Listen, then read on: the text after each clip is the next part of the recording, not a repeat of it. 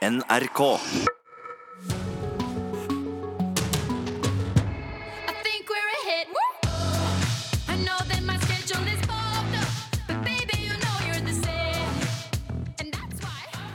Den norske artisten Sigrid har vunnet Ebba-prisen, som deles ut av Europakommisjonen. Hun har vunnet pris for beste nykommer både under P3 Gull og Spellemannprisen, og ikke minst fått utmerkelsen Sound of 2018 av selveste BBC. Så Anne, vi hadde et berettiget håp om at hun kunne vinne pris under MTV Music Video Awards, men eh, nei da.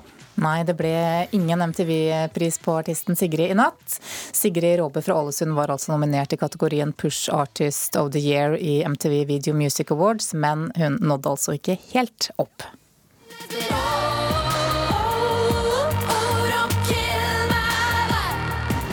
Norske Sigrid var nominert for prisen Push Artist of the Year. Men det var den amerikanske Hayley Kiyoko som vant. Rapperen Cardi B vant to priser for beste nye artist og for sommerens beste låt I Like It. I like texts from my exes when they want a second chance. I like proving niggas wrong. I do what they say I can't. They call me Cardi, Cardi. Childish Gambino vant også to priser for sin musikkvideo til låten This Is America.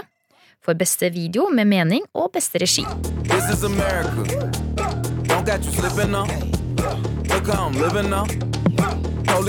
Det ble også delt ut en ærespris kalt Vanguard Award. Og denne gikk til den nå 49 år gamle Jennifer Lopez. Det kom også noen avsløringer på den røde løperen. Det skal lages en ny sesong av MTV reality-suksessen The Hills, som vi vil kunne se i 2019. Det ble også rettet eh, krass kritikk mot eh, president Donald Trump med et sceneshow med fokus på immigrasjonsdebatten og familieseparasjon. Et titalls barn og unge med innvandrerbakgrunn simulerte en menneskemur der de fremmet budskapet We are all humans. Camilla! Prisene Årets artist og Årets video var det Camilla Cabello som fikk.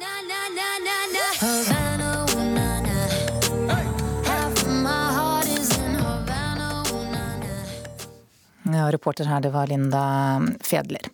Janne Monsen Tveit, redaktør for nettstedet 730.no, velkommen til Nyhetsmorgen. Tusen takk skal du ha. Det var også mange store artister samlet under denne utdelingen i natt. Hvordan vil du oppsummere dette showet? Eh, Det var en ganske trygg og god sending, egentlig. Ingen sånne store skandaler som man vet kan dukke opp på eh, VMAs. Eh, Så det var ja, litt sånn venta, litt uventa. En sånn klassisk VMA, egentlig. Camilla, Camilla Cabello fikk pris både for årets video og årets artist. Var det fortjent? Eh, Ja, fortjent. Litt overraskende, men absolutt fortjent. Eh, Hun har jo blitt et av de største navnene det siste året. Eh, Og nå er jo spesielt latinamerikansk pop veldig veldig stort i USA og i resten av verden, så det var nok ikke overraskende. Litt overraskende kanskje at hun vant Video of the Year istedenfor uh, Childish Gambino. Det var det. For de andre som, andre da, fall, som utmerket seg, det var også rapperen Cardi B, som fikk to priser, som vi hørte i innslaget her. Men den som dro i land flest priser, det var altså Childish Gambino, som fikk hele tre priser for musikkvideoen This Is America. Hvorfor har den fått så mye oppmerksomhet? Eh, Det er jo en sjokkvideo, på godt og vondt. Eh, Man må, nesten se den sjøl for å skjønne, egentlig. Men det er jo en veldig politisk lada video. Må prøve å forklare litt. Ja, Eh, ja Kjell Gambino er en rapper som Dette ble hans største aller, aller, aller store hit. Som tar opp f.eks. politivold, som har vært veldig veldig stor politisk sak de siste årene. Og videoen så danser han, og det er mye, det er liksom humor blandet med, blandet med underholdning. Og det er nok den videoen vi definitivt kommer til å huske fra i år. Så det er litt overrasket at ikke den vant den største prisen. Eh, han vant jo fagpris både for regi og koreografi, men jeg skulle jo gjerne sett at han vant, eh, vant årets video òg. Mm, Men tre priser, da. Ja, det er godt. Og så, fikk, eh, så ble det også rettet eh, kritikk mot president eh, Trump med et sceneshow med fokus på immigrasjonsdebatten og familieseparasjon. I hvilken grad er dette et show som er en arena for politiske ytringer? Ja, det er ganske klassisk. egentlig. Det skjer jo det egentlig hvert år. at noen gjør det. Jeg føler det er absolutt plass til det. og Det var ingen overraskelse. Det var jo Logic som gjorde det i år. En veldig politisk rapper. Så at noen kritiserer Trump, det egentlig, det har vært mer overraskende hvis ingen gjorde det. Mm, det er- det. Men det er vanlig at, det, at Ja, dette det- også er en sånn type arena. Ja, det er det.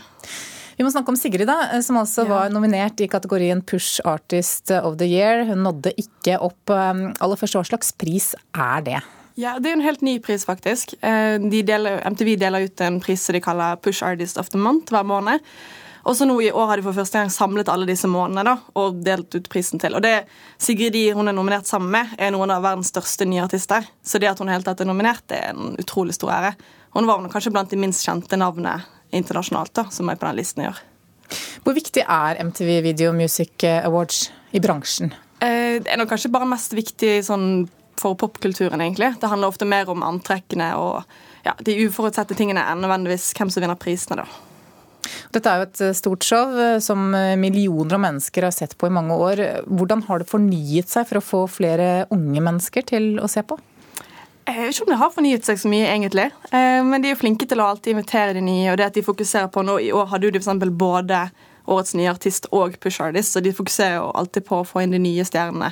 Og det er litt sånn reality-stjerner på rød løper, at de liksom fokuserer på mer enn bare musikken. da.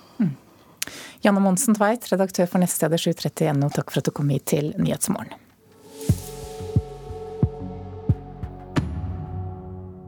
Nå skal vi snakke om eh, det såkalte Dødshuset som kunstneren Bjarne Melgaard ønsker å bygge ved Edvard Munchs gamle atelier Ekely vest i eh, Oslo. Politikerne i Oslo setter nå foten ned for dette prosjektet. Det er altså Aftenposten som har kartlagt hva politikerne mener om saken i forkant av et møte i byutviklingskomiteen i morgen.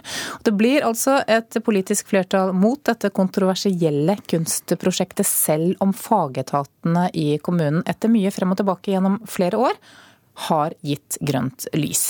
Kulturkommentator i NRK Agnes Moxnes, aller først må du minne oss på hva slags prosjekt er dette dødshuset?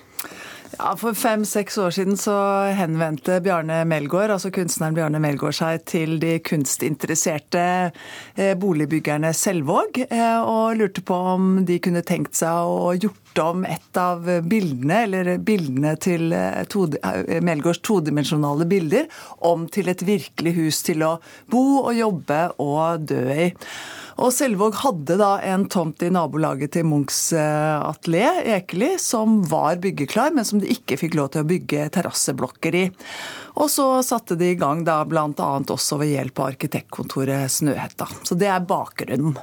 Og prosjektet det møtte straks voldsom motstand fra bl.a.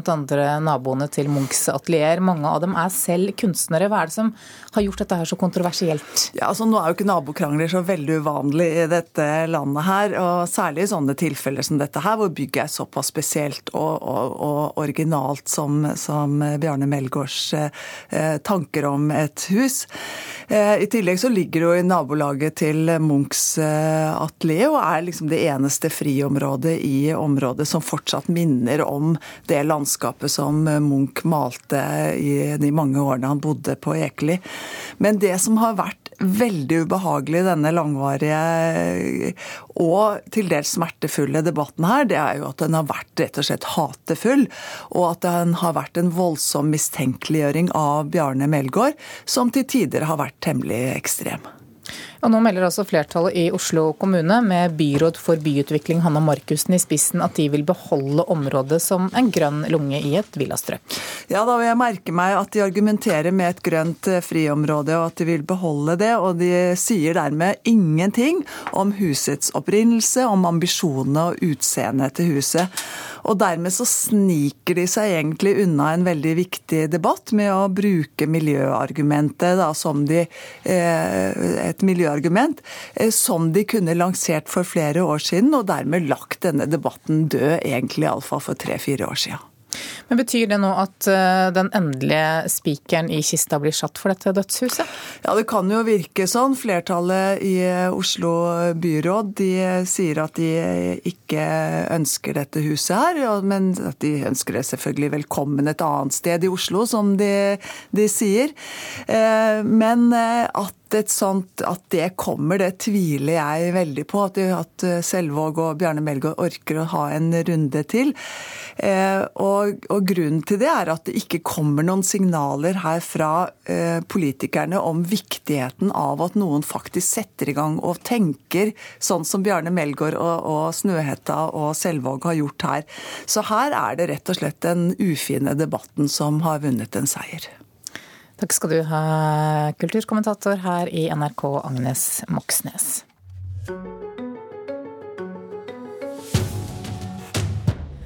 For to år siden så kom Lars Saabye Christensen med første roman i en trilogi om livet i en gate på Majorstua i Oslo i etterkrigstiden. Romanen med tittelen Byens spor, Evald og Mai fikk svært gode kritikker, bl.a. fra vår kritiker Marta Norheim. Nå er roman nummer to ute. Byens spor, Mai heter den. Og Marta Norheim, velkommen. Takk. Hvordan står denne seg eh, sammenlignet med den første boken? Ja, dette er nesten dette er nesten den vanskelige andre boka, tenker jeg. Selv om Jo Saabye Christensen har skrevet fryktelig mange bøker, så er det noe med eh, at eh, bok nummer to i en trilogi, den, den må løfte seg på en måte Ellers så virker han svakere. Og, og denne her syns jeg virker svakere fordi at det rett og slett er mer av det samme. Den løfter seg ikke tydelig. Og en ser kanskje òg tydeligere de svake sidene ved, ved romanen. Altså, jeg fester meg bl.a. Ved, ved språket. Altså, vi er på 50-tallet. Sjargongen fra rett etter krigen som var artig i bok én, den er nå lagt i munnen på en 15-åring som på en måte hermer far sin. 15-åringer hermer ikke far sin, eh, sin sjargong. De gjør ikke det. Det blir liksom litt sånn skurr. Um, og så er det blødmer, som jo Saabye Christensen er mer glad i enn meg. De, de, er mer sånn påtrengende her. Litt klønete overdriving av samme type 'kjærleiken er så brennende at han kunne utløst brannalarm', eller 'kvisene spruter så du må vaske gulvet'. Altså det, det er som eh, pubertet for fulle sirener, på en måte. Og da blir litt mye støy, syns jeg, rundt akkurat det. Og, og videre så, så syns jeg ikke at uh, vi kommer særlig nærmere inn på hovedpersonene. Innimellom så blir det litt sånn påstander, og, og, og det er ikke så bra. Eksempel mora til Jesper Mai, som denne romanen er kalt opp etter, altså den heter Byens spor Mai, 40 år gammel enke. Um, hun er eksempel bare god. Altså, hun, hun, gjør noen feilvurderinger, hun sliter med livet, absolutt. Men hun er bare god. Og det er jo fryktelig slitsomt å lese om personer som uh, bare er gode. Du må fortelle eh, om boken. da. Hvor er vi, og hva skjer? Ja, Vi er altså i gatene på Majorstua, og nå har vi i denne boka flytta oss fram til 1956 og framover der. Um, vi følger en rekke personer i denne, denne, gata gjennom livet og alt som skjer med dem. Altså, det er ikke en spesifikk sånn hovedhandling, men det er dette miljøet i, i, i denne gata, og da sentrert rundt Mai, enkefru på, på 40, og hennes barn. Så har du Slakteren, og så har du minst, ikke minst Røde Kors, der Mai er sekretær, eller kasserer, det jo vel egentlig, i Fagerborg avdeling. Og igjen, altså I første bok så var det noen utrolig sterke scener med sitat ifra protokollen i Røde Kors Fagerborg avdeling. Og nå er det igjen noen sitat, og så tenker jeg å ja, der er vi igjen. Altså, Det er noe ubarmhjertig med å hoppe etter seg sjøl, eh, eh, som, som Saabye Christensen gjør her. Hva er bra, da? Det er mye som er bra. Altså, han, han, gir et veldig godt tidsbilde. Boka er godt fletta sammen. Det er teknisk, teknisk, veldig godt, og det er på ingen måte ei lettvint bok. Og selv om jeg syns at Mai blir en litt slitsom klisjé, så sier han mye spennende om kvinneliv på 50-tallet. Altså, sladderen går over hele Fagerborg på et nanosekund uten sosiale medium. Det er veldig lite slingringsmonn for, for kvinner. Og de har sammenligna kvinneroller nå og da, vi har vårt nå også, men det har skjedd temmelig mye der. Mm. Så er det så også en planlagt trilogi. Kommer en ny bok etter hvert, får vi tro. Hva Hvilke tips vil du gi da til Lars Saabye Christensen? Nei, jeg vil ikke gi, gi noen råd, men, men, jeg håper på oppsving i neste bind. Altså, Mange trilogier er jo forma som ei hengekøye, så kanskje det blir formen her. Takk skal du ha, Marta Norheim, kritiker her i NRK. Jeg bare lurte på en ting, Martha, siden du nå først er her, selv om du er taket av. Terningkast seks i VG i dag for denne boka her. Skjønner du hvorfor folk kan bli veldig begeistret? Ja, jeg skjønner det. Men, eh, men eh, det er noen andre ting jeg eh, legger vekt på som, som trekker ned. Men det går an å diskutere det. Det er ikke skrevet i stein, dette her. Vi lar diskusjonen gå. Eh, Da tok jeg bare over, jeg, Anne. Er det greit? Vær så god. okay. Vi skal straks ha en nyhetsoppdatering fra Dagsnytt.